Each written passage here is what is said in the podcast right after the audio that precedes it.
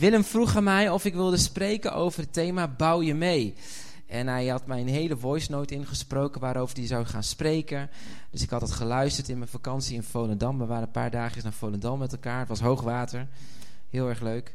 En, uh, en Willem zei oh, dacht ik, oh, daar kan ik wel wat mee. Want dat is wel een beetje een onderwerp wat op mijn hart ligt. Gemeente zijn. En ik uh, was van de week even aan het luisteren uh, naar, de, naar zijn preek. Ik dacht, dat is altijd goed om even voor te bereiden waar de ander is geweest. Zodat je een beetje kan bouwen. En, um, en toen was ik best wel geraakt door de mededelingen. Jullie als gemeente meemaken dat tijdens de kerst uh, nou, mensen ontvallen zijn op hele bijzondere, of ja, niet bijzondere, maar verdrietige wijze. En ja, dat doet wat met je als kerk. En um, er is een tijd van bouwen. Uh, maar soms wanneer je als kerk, als één lid leidt, dan leiden de anderen mee, zegt de Bijbel. En dan wanneer we door verdriet worden geraakt, is het ook passend om dan te reflecteren. En ik dacht bij mezelf, ik kan natuurlijk een uh, mega mooie preek uh, losschieten over bouwen aan de kerken vol actie. Maar ik vond het meer gepast om te reflecteren. Um, te reflecteren over dat thema, wat betekent gemeente, maar ook hoe we vandaag de dag dat kunnen invullen. Uh, ook wanneer de tijden zijn van verdriet en tijden wanneer één dit leidt, dat je als kerk jezelf dan mag herpakken. En ook daarin met elkaar samen dat plan van God mag uitwerken voor, voor, voor elkaar in, in hier binnen de gemeente en daarbuiten.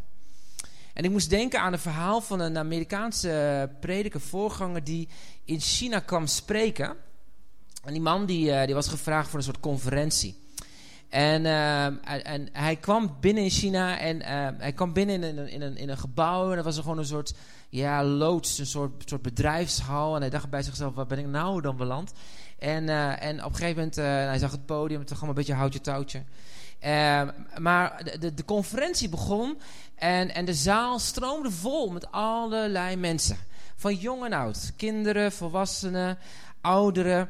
En de grap was, het was een soort ja, fabriekshal. Het was gewoon een betonnen vloer. was niet heel veel meer dan dat. Uh, dus mensen namen matjes mee, en stroommatjes, en die rolden ze uit. En ze zaten dan tijdens de dienst te luisteren naar de ene spreker, de andere spreker. En, en, en het viel op dat die zaal gevuld was met mensen. En ik kwam erachter dat mensen soms wel drie dagen hadden gereisd om te komen voor die conferentie. En tijdens de lunch vroegen een aantal van de leiders, die vroegen aan um, aan, die, aan die gastspreker van... kun je ons leren hoe wij meer kerk zouden kunnen zijn... zoals bij jullie in Amerika? En die zendeling dacht bij zichzelf, wat een vraag. Kunnen jullie, kun je mij leren, kun je ons leren... om meer kerk te zijn zoals bij jullie in Amerika? Dus die Amerikaanse prediker die vroeg... waarom wil je dat dan zijn? Want zeiden ze, we willen net zo'n geloof hebben als jullie... En toen met tranen in zijn ogen antwoordde de, deze zendeling, deze prediker, de groep leiders. En hij zei, als wij een zondagdienst houden, dan willen mensen niet meer dan 30 minuten rijden voor de dienst. Jullie waren zelfs bereid drie dagen te reizen. Als wij een bidstond houden, dan komen slechts een handjevol mensen naar de kerk. Hier bidt de hele zaal mee. Als wij een kerkdienst houden, dan mag de preek niet meer dan 30 minuten duren, want dan lopen ze weg. Maar jullie blijven zitten, jullie blijven luisteren. In onze kerk moeten we comfortabele stoelen neerzetten. Denk aan de bioscoopstoelen tijdens een paar jaar geleden.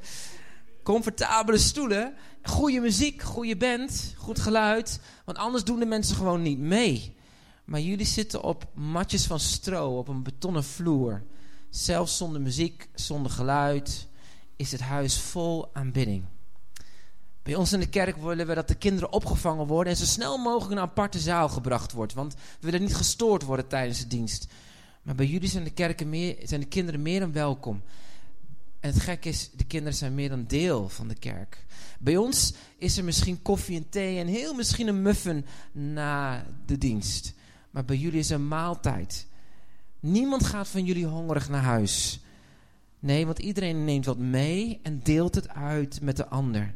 De vraag moet niet zijn hoe jullie een kerk kunnen zijn zoals een kerk in Amerika. Mijn gebed is leer ons als kerk in Amerika een kerk te zijn zoals jullie. Ik vond het wel passend. Bouwen aan de kerk. Bouwen aan de kerk. In, mijn reizen met Compassion, en ik heb een collega daar zitten. Um, haar, haar broer was mijn back-office voor uh, jaren en die, miste ik enorm. Maar door mijn reis in de kerk uh, afgelopen jaren, dat ik mocht doen voor Compassion, zijn een aantal lessen die ik vanuit de kerk heb mogen leren wereldwijd. En ik wil er gewoon een paar met je doorlopen. Gewoon om, om te reflecteren. Uh, en de eerste, en ze staan in willekeurig volgorde, je kan, er zit geen lijntje in of zo, maar gewoon een paar gedachten die me te binnen schoten als ik nadenk over kerk. Een van de eerste dingen die ik, uh, op, me opvalt als ik dan reis naar de kerk buiten de westerse wereld om, en je komt in Zuid-Amerika of je komt in het Midden-Oosten of, of waar dan ook ter wereld, is dat je ontdekt dat elk leven telt. Elk leven is, dat telt. Als je binnenkomt in de kerk, dan merk je dat mensen van jong tot oud, iedereen hoort erbij. En er zit een gedachte achter dat ieder mens is zo kostbaar, is geschapen naar het beeld van God, gemaakt naar zijn evenbeeld en verdient daarom alle aandacht en liefde en respect. En dat merk je terug in hoe mensen ontvangen worden, hoe mensen over elkaar praten, hoe mensen met elkaar omgaan, uh, hoe mensen dienen. En dan heb ik het niet over gelovigen versus gelovigen, maar ook mensen die gelovig zijn versus ongelovig. Als ik zie naar de kerk in, eh, in het zuidelijk halfrond, als ik kijk naar de kerk die in armoede actief is, dan zie je dat mensen rijken uit en zeggen ze, ja maar dit is toch een kind van God? Dus hoezo? Ja maar hij gelooft niet. Nee, maar dat maakt niet uit. Het is een kind van God en daarom verdient het mijn aandacht, mijn tijd, mijn respect en mijn liefde. Elk mens telt. En dan loop ik wel eens rond, en heel eerlijk, ik was van de week ergens uh, op, op gesprek in, in Breda. En dan loop ik rond en dan zie je een paar daklozen. En het eerste wat je doet is denkt, oh, dan komen ze met die collectebusjes aan. En je ziet het gewoon gebeuren. Je loopt gewoon in de rij je ziet die daklozen. En de een naar de ander loopt eromheen. En tot mijn eigen schaamte dacht ik, oh ja, ik heb ook die neiging met te druk. Maar in de kerk, in armoede, de kerk wereldwijd, is er een soort gedachtegang dat elk leven telt. Elk leven is kostbaar. En het verdient aandacht. Er is een, een, een, een YouTube motivator, een, een Instagram motivator. En die gozer die in Amerika, die, die heeft dan, uh, dan vraagt hij wel eens bijvoorbeeld een, uh, een, een dollar of een vijf dollar voor iets. En ondertussen uh, vraagt hij en kijkt hij naar de reactie van de mensen of ze bereid zijn om heel even aandacht te geven aan hem. En dan draait hij dat om en dan is het, zit, er, zit er een soort cadeau achter. En, en dan had hij dus een aantal van die, van, van die gasten had hij gevraagd: Heeft u misschien 5 dollar voor mij? Of zou hij voor mij dit kunnen kopen? En, en niemand die reageerde erop, totdat er iemand kwam vanuit een andere cultuur. Of iemand kwam vanuit een ander land, een buitenlander. Een, iemand die, die, die niet in Amerika vandaan kwam. En die stopte en zegt: Tuurlijk, hier heb je mijn 2 dollar, hier mag je het hebben. En dan begint hij een praatje. En dan moet je, moet je maar eens kijken, op Instagram is dat. Uh, en dan begint hij een praatje. En dan ontdekt hij dat die jongen bijvoorbeeld een, um, uh, een student is. Die uh, alleen zit. En eigenlijk, nou ja, hij moet zijn studie betalen. Zijn huis en familie die, ver weg is. En eigenlijk heeft hij geen geld. En het is best wel moeilijk. En dan draait de jongen en zegt hij, maar ik heb ook iets voor jou. Want jij hebt mij gezegend met 2 dollar. Ik heb ook iets voor jou. En dan heeft hij, en dit is allemaal, allemaal van die geheime camera's overal. En dan geeft hij in één keer een envelopje. En daar zit bijvoorbeeld 1500 dollar in. Precies genoeg voor het collegegeld voor dat semester. Weet je? De grap is, mensen die niet veel hebben, zijn sensitief voor hetgene wat op hun pad komt. En dat is met de kerk wereldwijd, is waar, waar de kerk opereert in landen waar ze niet zoveel hebben, is de kerk sensitief voor iedere persoon die op een pad komt. Of het nou op het station is, bij de kassa is, of onderweg is, of op de file staat bij de A1. Ieder mens verdient even een stukje tijd, aandacht, liefde, een huk, een compliment. Ook die collega op je werk die af en toe denkt bij jezelf: Oh, Heer Jezus. En dat brengt me bij punt 2. Wat ik zie van de kerk wereldwijd is, ze zijn, ik noem het even in het Engels, being present, even when it's uncomfortable. Ze zijn daar, daar waar het zelfs oncomfortabel is.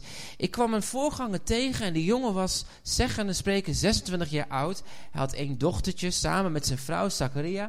En hij uh, was vanuit zijn huis geboortestad uh, in Peru uh, was hij uitgezonden om te gaan werken onder een stam wat, wat zeg maar in een buitengebied in de Andes leefde op, nou ja, dan praat je over 5000 meter hoogte. Dat was een echt compleet afgesloten gebied. En hij was daar naartoe gegaan met hart en passie om daar te zijn bij die mensen.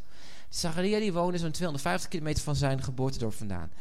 En het interessante is, deze jonge man die leefde onder deze mensen. En als je dan weet dat deze mensen minder dan 3 euro per dag verdienen, leefde hij met hun mee. Hij woonde onder hun. Hij at hetzelfde voedsel. Hij was bereid te voelen wat hun voelden, de kou van, van, van de anders. Het gebrek aan eten, gebrek aan, aan elektriciteit. Hij was bereid te huilen met degenen die huilen, te juichen met degenen die juichen. Zelfs al was het oncomfortabel voor hem. Hij had ook een hele andere route kunnen gaan. Hij had namelijk ook kunnen gaan naar de plekken toe waar het comfortabel is. Waar er een mooi gebouw is, waar een mooie kerk is met een mooi programma is. Nee, hij wilde gaan naar de plek waar het oncomfortabel is. En ik kom meer en meer van die voorgangers, dat soort verhalen heb ik over de jaren mogen ontdekken. Van leiders, van mensen. Dat de kerk bereid is te gaan naar de plekken waar het moeilijk is, waar het schuurt. Waar het koud is, waar het leeg is. Waar je denkt, daar is geen eer aan te behalen. En dat is de kerk wereldwijd. Oncomfortabel. Als je dacht, deze stoeltjes oncomfortabel zijn, dan moet je maar eens mee op reis dan ontdek je dat er nog meer dingen oncomfortabel zijn. En het derde wat ik je mee wil geven is dat in het zijn bij de mensen, daar waar het schuurt, daar waar het pijn doet, daar waar mensen minder dan 3 euro per dag verdienen, ehm, daar, daar, daar hebben ze een bepaald principe. wat je de kerk continu tegenkomt, is dat we hebben een klein beetje, maar wat we hebben delen we. Ik vind het zo mindblowing. Er was een, een meisje, zij, uh, zij is uh, in Compassion. Haar naam is Deborah, ze is nu 12. Maar zij nam een filmpje, of tenminste werd een filmpje van haar opgenomen. En toen zei ze dit zonnetje, we hebben een beetje, maar we delen. En de vreugde wat er is als je gaat delen. De vreugde wanneer je je leven deelt met een ander, ook al is het maar een klein beetje. Heel vaak dan namen we wel eens van die sponsors mee. En dan vroegen ze aan ons van... Ja, maar het is toch raar als ik met een cadeautje aankom bij mijn sponsorkind. Wat doet de rest met de kinderen in het gezin of de buurt? En dan zeg je, ja, maar jij hebt niet begrepen het principe van delen. In Nederland vinden we dat lastig. Als ik iets krijg, is het van mij. Maar daar, als wij iets ontvangen, dan is het tot zegen voor iedereen. En dan mag iedereen ermee spelen, mag iedereen van genieten enorme vrijgevigheid en gasvrijheid. Dat komt vanuit de wetenschap dat God er is en dat bij God meer dan genoeg is. En dat wat er ook gebeurt, er genoeg is in de gemeente wanneer we gaan delen. Als je praat over een kerk vol kracht, dan is het een kerk die deelt. En dat brengt me bij punt 4, wat ik veel terugzag, was radicale liefde voor Jezus. Ik heb nog nooit zoveel mensen die in zo bittere shit ellende leven, met zoveel blijdschap en zoveel liefde voor God uh, hun leven leiden. Um, ik, ik, kan me nog herinneren aan, een vrouwtje die ik ontmoette. Haar naam was Doris. En Doris die um, tijdens de corona, toen was ook alles dicht in Peru. Zij was een, jongerenwerk, een kinderwerker. En zag ze een vrouwtje binnenkomen met twee kleine kindjes. Uh, uh, Tyra en haar moeder en haar broertje. En, en op een gegeven moment, zij zag hem binnenkomen en ze wilde naar de dienst naar hen toe. Maar uh, zij, deze vrouw die, uh, die, die, was al weg uit de dienst. Ze kwam erachter dat deze moeder um, al, al weken geen eten meer had. Want tijdens corona was alles een lockdown. Mensen hadden geen eten, um, geen werk. En, en zij was eigenlijk aan het uitsterven. Maar de grap was, Doris had, kende dat verhaal niet. Maar ze heeft twee weken lang heeft ze haar stad doorlopen. Huis naar huis. Zoekende naar deze moeder en de twee kindjes. Om te ontdekken wat er met, nou, wat met haar aan de hand was. En twee weken lang moet je je voorstellen, lockdown. Er waren bendes. Die waren mensen aan het overvallen. Want er was geen werk. Er was geen economisch vangnet zoals in Nederland. En er was bittere ellende. En elke dag weer bad ze, Heer, beschermen. Als ik kom te sterven, wilt u dan zorgen voor mijn kinderen. Maar help me dat ik, mijn, dat ik deze, deze twee kindjes kan vinden en deze moeder. Twee weken lang. Ze wist niet of ze thuis kwam. Maar haar, en ik vroeg haar, wat maakt nou dat je dit gedaan hebt? Uiteindelijk heeft ze dus Tyra gevonden en de moeder. En toen zag ze dus wat voor een staat van ellende. En op die manier kon zij dat gezin helpen. Toen zei ze, ja maar God legde iets in mijn hart toen ik hun zag in de zaal. In mijn hart. Ik moest er iets mee doen. In die radicale liefde uit zich radicale gehoorzaamheid. En dat verhaal kon je continu terug in de kerk van armoede. Is dat ze zeggen, ja ik hou van Jezus. Maar ik ben radicaal in mijn gehoorzaamheid. Als hij iets in mijn hart legt, dan doe ik dat gewoon. En het kost wat het kost dan doe ik dat. En het mooie is dat Ze preken, en dat vind ik zo bijzonder. Ze spreken zonder woorden. Ze preken zonder woorden. Want acties of handelingen spreken meer dan woorden. Uh, ze trekken niet aandacht door PR-flyertjes, met alle respect voor deze flyer. Uh, of sociale media, of posts, of politieke uitingen als leiders in Amerika die dan politiek gaan zeggen: je moet op die stemmen of die stemmen, want dat is de wil van de Heer. Nee, helemaal niet.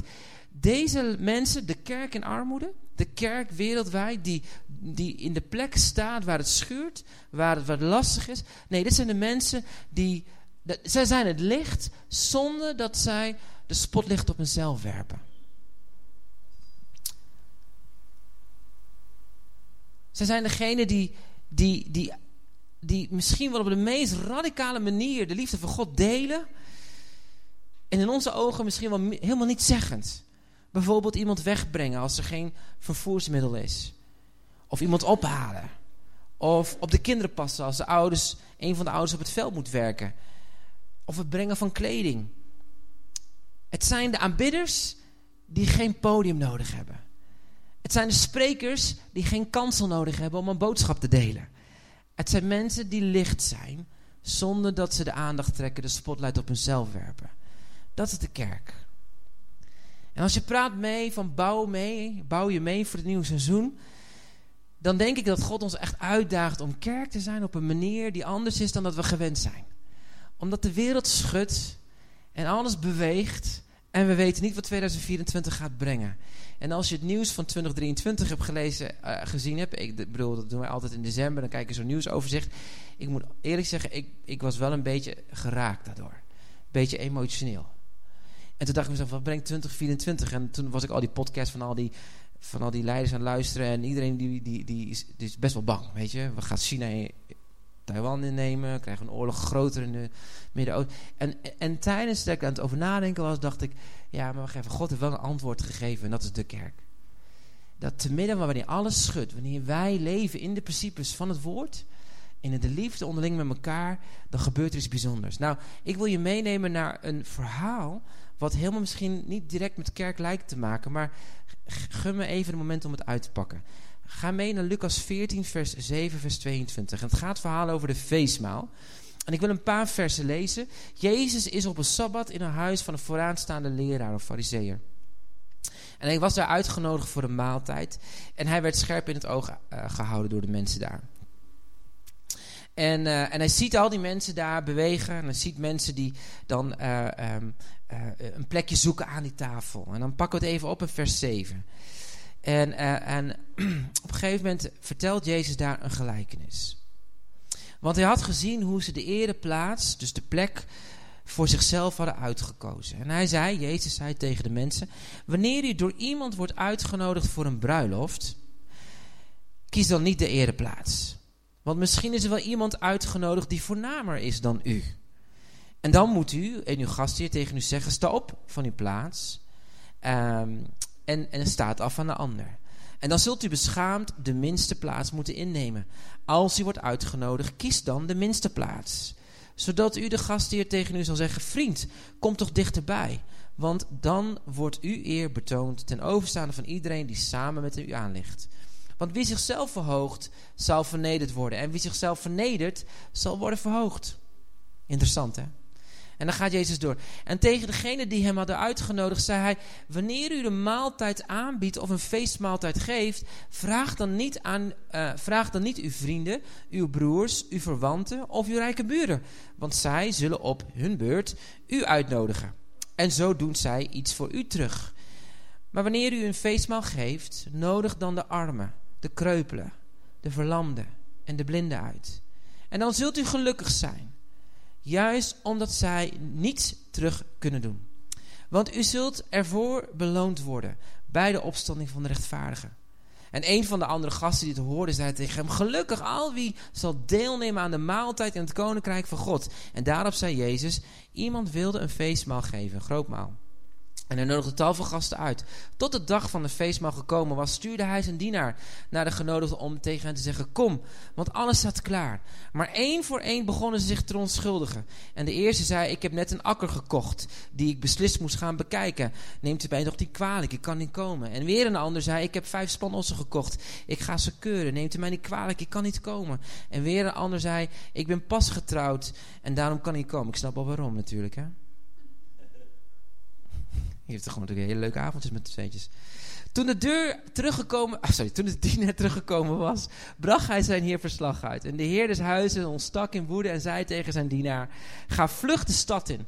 Breng uit de straten en de stegen, de armen, de kreupelen, de blinden en de verlamden hierheen. En toen de dienaar hem kwam melden, Heer, wat u hebt opgedragen is gebeurd, maar er is nog plaats. Toen zei de Heer tegen hem, ga naar de wegen, de akkers buiten de stad, haal iedereen binnen, want mijn huis moet vol zijn. Ik zeg jullie, niemand van de genodigden zal mijn feestmaal proeven.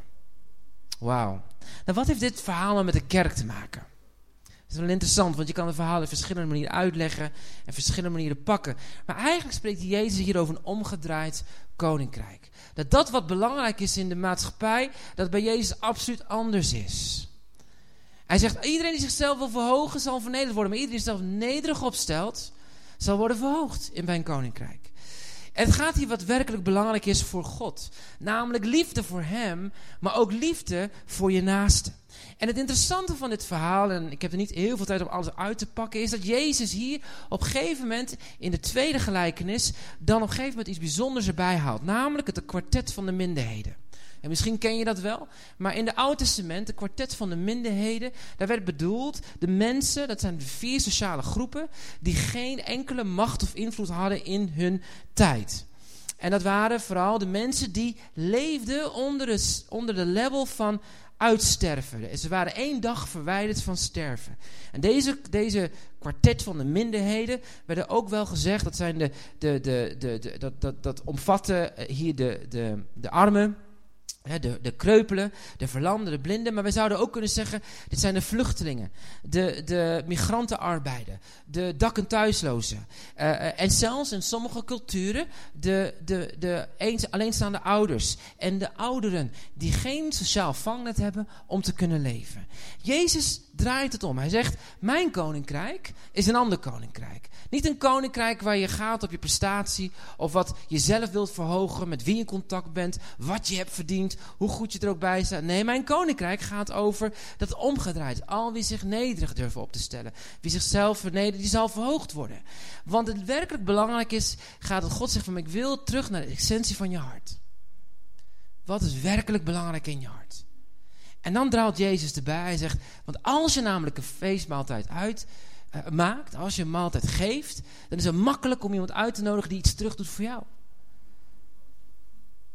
En zo is precies een beetje onze maatschappij. Voor wat hoort wat. Ik doe iets voor Willem, Willem doet iets voor mij. Ik nodig Willem uit in mijn kerk, verwacht ik dat hij mij uitnodigt om zijn kerk. En zo zijn we dan weer vrienden met elkaar. Maar dat is niet het koninkrijk. Het koninkrijk zegt nee, je hebt ontvangen om niets. En daarom mag je weer doorgeven om niets. Je had geen enkele recht, want we hebben net gezongen in aanbidding. Maar je hebt geen enkele iets verdiend. Je hebt alles gekregen uit genade. En dan mag je het doorgeven. En dan haalt Jezus die sleutel van het kwartet van de minderheden bij. Hij zegt, als je weet wat God de koning voor jou gedaan heeft, wat voor feestmaal je bent uitgenodigd, aan welke tafel je mag zitten, dan ben je bereid om een feestmaal te geven voor hen die geen maaltijd kunnen eten. En weet je waar het over spreekt? Het spreekt hier over twee, wat wij zouden zeggen, twee eh, woorden die in het Hebreeuws worden gebruikt om, om die kwartet van de minderheden uit te dagen. Het gaat om recht doen en we hebben het over het woord tzedika en over het woord mispat. Tzedika betekent je houding. De ander zien als iets kostbaars, als een schepsel van God.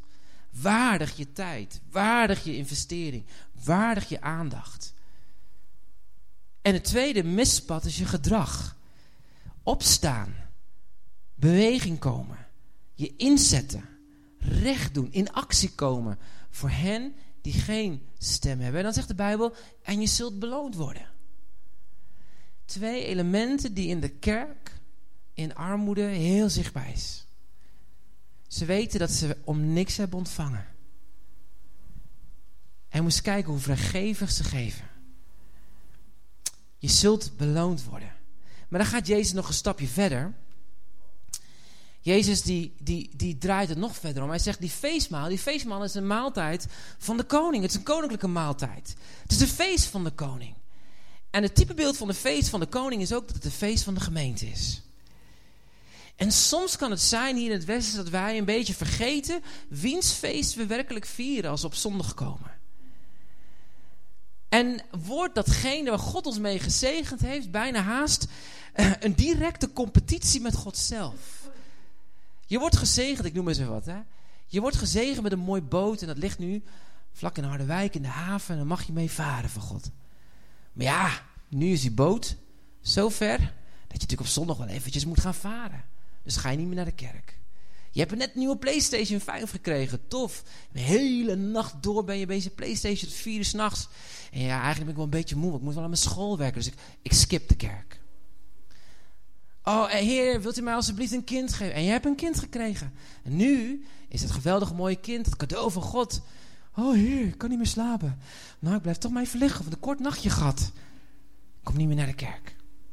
Je hebt een vriend ontvangen van de Heer. Of een vriendin. En het is zo gezellig.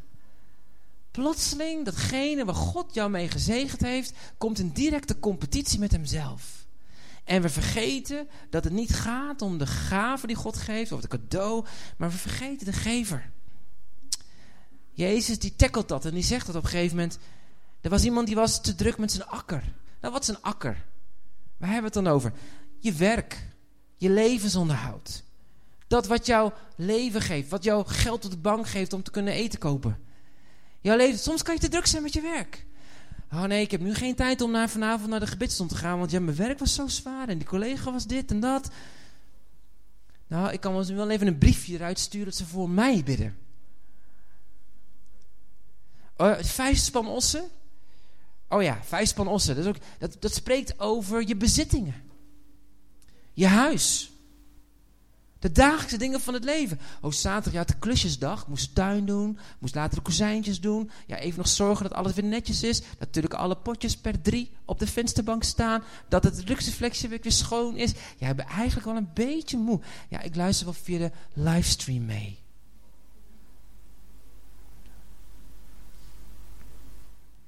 Oh, uh, ja, je huis, je bezit. Ik kan zo'n heel lijntje gaan beginnen. Maar nee, nee, nee, we moeten nu investeren in, in zonnepanelen. Want we willen natuurlijk, ja, nee, dat is natuurlijk duurzaam. Ja, dan kunnen we geld besparen. Eigenlijk gaat het gewoon om geldbesparing. Maar goed, dat doen we dan. Nee, nee maar dat is wel lastig. Daar even een periode geen tiende betalen. Want dan kunnen we het namelijk duurzaam investeren. Ja, ja, ja.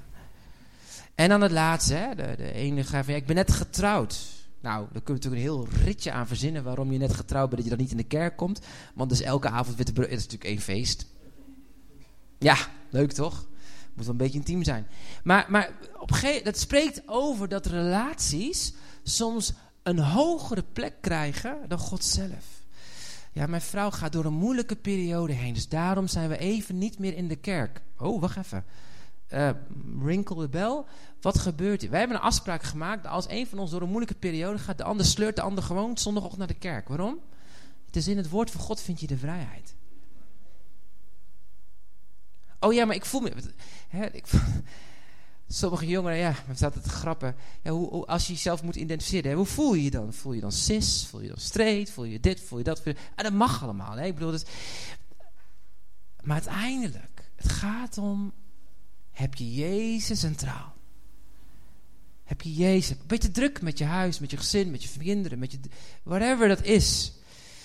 Datgene wat God je mee gezegend heeft, kan soms in directe competitie komen met Hemzelf. Maar kom naar het feest, want dat is wat Jezus eigenlijk zegt, is als het ware ten diepste erkenning geven aan Hem. En we moeten niet vergeten dat de kerkgang is niet zomaar een, een, een moeten of een verplichting Sommige mensen vinden dat een soort begrafenis, maar daar hebben we het niet over. Nee, de kerkgang is een koninklijk feest.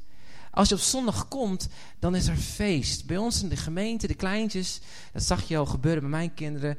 Oh, de kinderen mogen naar voren. Woep, al onze kinderen gaan naar voren. Waarom? Het is feest. Het is de koning. Wij vieren feest met hem samen. Het is lol, er is genieten. Het is lekker eten, maar er is ook met elkaar samen God aanbidden. Omdat hij, zo, omdat hij zo gewoon goed is. En die honger naar hem, die blijdschap naar hem. Ja, dat is aanstekelijk voor alle generaties. Nee, de kerkgang is een koninklijk feest. En we mogen ontdekken dat die tafel is gedekt voor jou en voor mij. Als we komen op zondagochtend, dan mag je ingaan op die uitnodiging. Dat je hebt een plekje aan de tafel van de koning. Maar het belangrijkste is om te ontdekken, loop die uitnodiging niet mis. Omdat je denkt, oeh, ik moet denken aan mijn huis. Oeh, ik heb mijn werk. Oeh, mijn kinderen. Oeh, dit. Oeh, dat. Oeh, zus. Nee, en dan zegt Jezus nog een stapje verder. Hij zegt, nee, mijn huis moet vol zijn. Mijn feest moet vol zijn. Met andere woorden, het is tof dat jij aan die tafel zit. Maar hoeveel Zutphenaren hebben we nog? Gods verlangen dat zijn huis vol is. En Matthäus 5, 3 tot 10 spreekt ook over. God wil zijn huis vol hebben.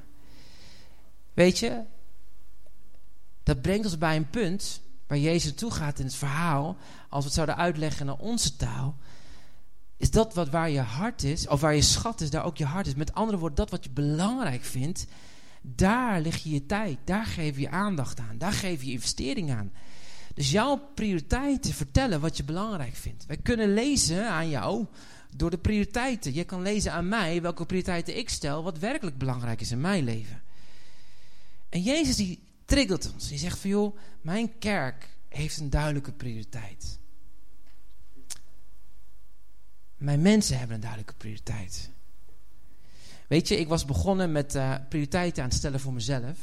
mag de volgende slide even geven. En ik, en ik was een beetje een lijstje aan het schrijven. En misschien ken je wel van nieuwjaarsresoluties. Mijn resolutie elk jaar is ik volgend mijn oude resoluties weer erbij pakken. Gewoon probeer weer opnieuw te doen, want ik kom er toch niet uit.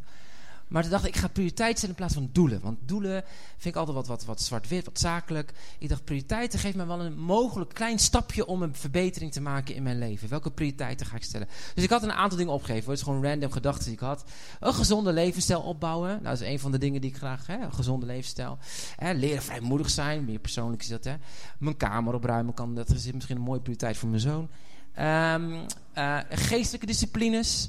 Uh, hè, dat je meer gaat lezen in het woord van God, meer Bijbel lezen. Gewoon dat prioriteit stellen aan het woord van God. Heel belangrijk. Uh, voor onze familie, als gezin, als vrienden. Nou, een beetje balans tussen inspanning en ontspanning. Soms vind ik dat die wel eens doorslaat in het een. Dat je een goede balans vindt tussen wat je, klusjes, maar ook gewoon gezellig met elkaar. Um, maar ook met je vrienden. Dat je gewoon ook de tijd neemt om met je vrienden. Wanneer heb je de laatste keer een gezellige avond gehad met je vrienden? Dus prioriteiten. Maar ook voor de kerk. Ik dacht dat is goed om prioriteit te hebben voor de kerk. Hè? Betrokkenheid, je inzet in de kerk, aanwezig zijn. Sommige mensen vinden dat wel een beetje lastig. Misschien wel een leuke prioriteit voor het nieuwe jaar. Leren aanwezig zijn. Of, of geloof delen aan anderen. Dat kan hè? heel simpel. Hoef je echt niet per se met een evangelisatiecommissie mee. Dat kan je gewoon ook doen op je sportschool. Meest makkelijkste manier. Het is gewoon een sportschool. Of onderweg. Gewoon je geloof delen. Um, ik kan ook op dingen op werk, op school, hè, op tijd komen, afspraken nakomen, beter plannen, vriendelijk zijn. Whatever dat ook is. Prioriteit stellen. Weet je, als kerk, heel eerlijk, heb ik, hebben wij als kerk, leiding, geen inspraak in hoe jij je leven leidt. Daar ben je helemaal vrij in. En dat wil ik ook zo houden. Daar ben ik zelf verantwoordelijk voor. Hoe jij je leven leidt, is echt aan jou. Ik heb er geen woord over. Met wie je gaat trouwen, is aan jou. Wat voor keuze je maakt voor je opleiding, is aan jou. Maar wat we wel kunnen doen als leiding van de kerk, als kerkleiders, is dat we je helpen de juiste vraag te stellen. En de vraag die ik je wil stellen is, is mag je deze even één doorklikken? Eentje terug nog. Als het goed is moet er nog eentje bij zijn. Oh, nee. Komt hij niet naar voren? Nou, is de vraag...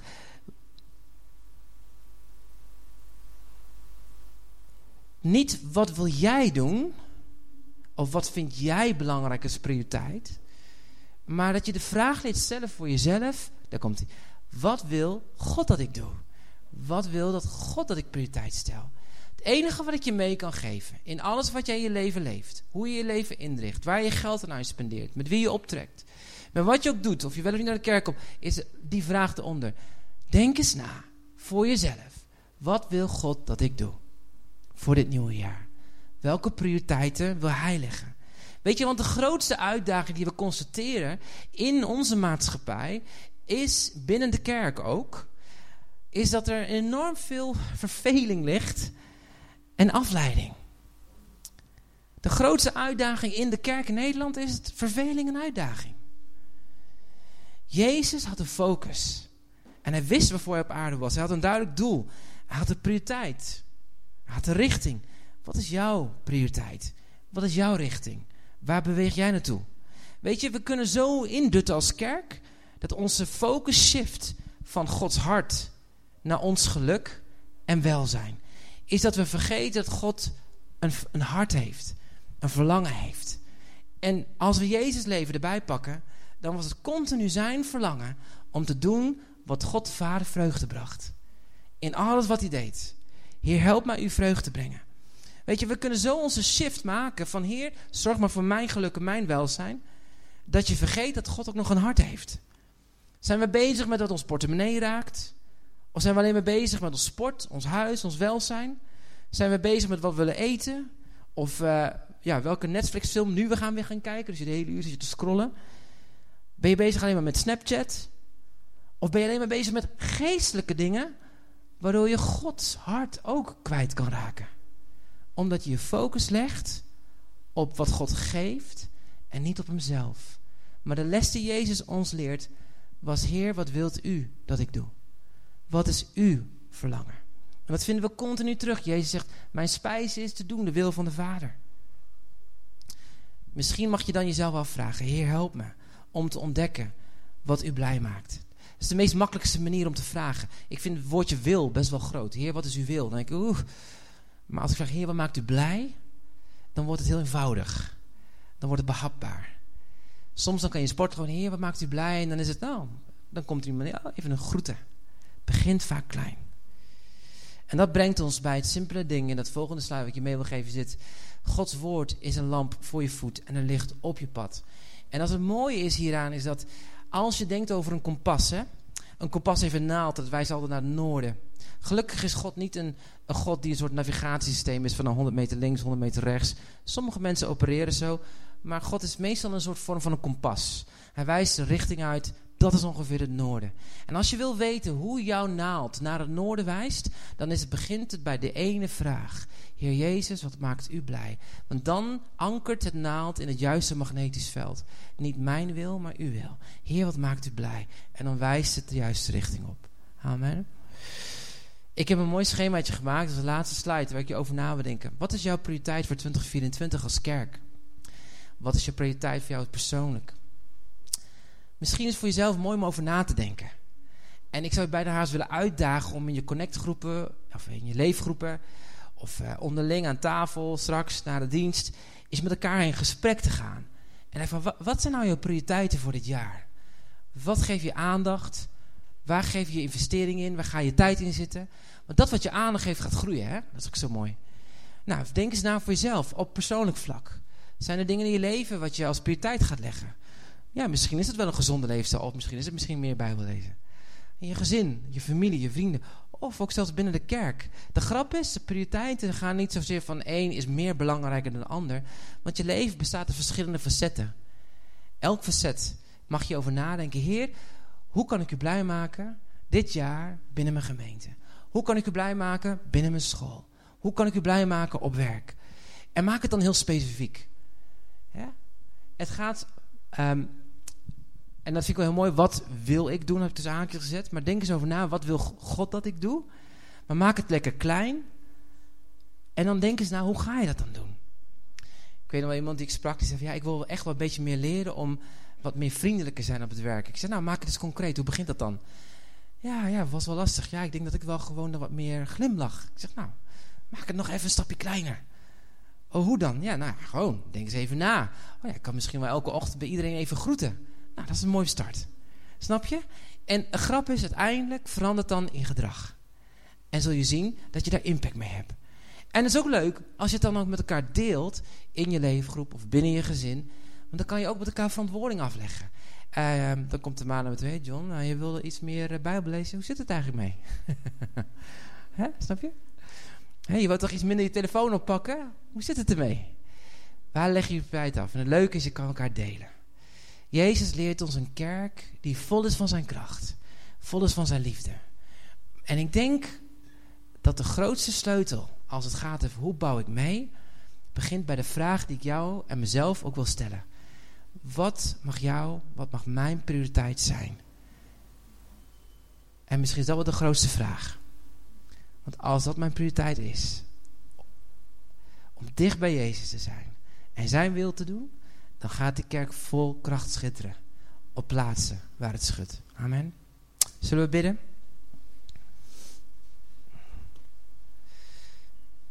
Trouw God, dank u wel dat u eh, God bent die zo, zo veelzijdig bent. Dat u ons hart kent, dat u weet waar we staan. U vraagt ons niet om hele grote bergen te verzetten. U vraagt ons niet om uh, legers te, te, vernietigen of whatever.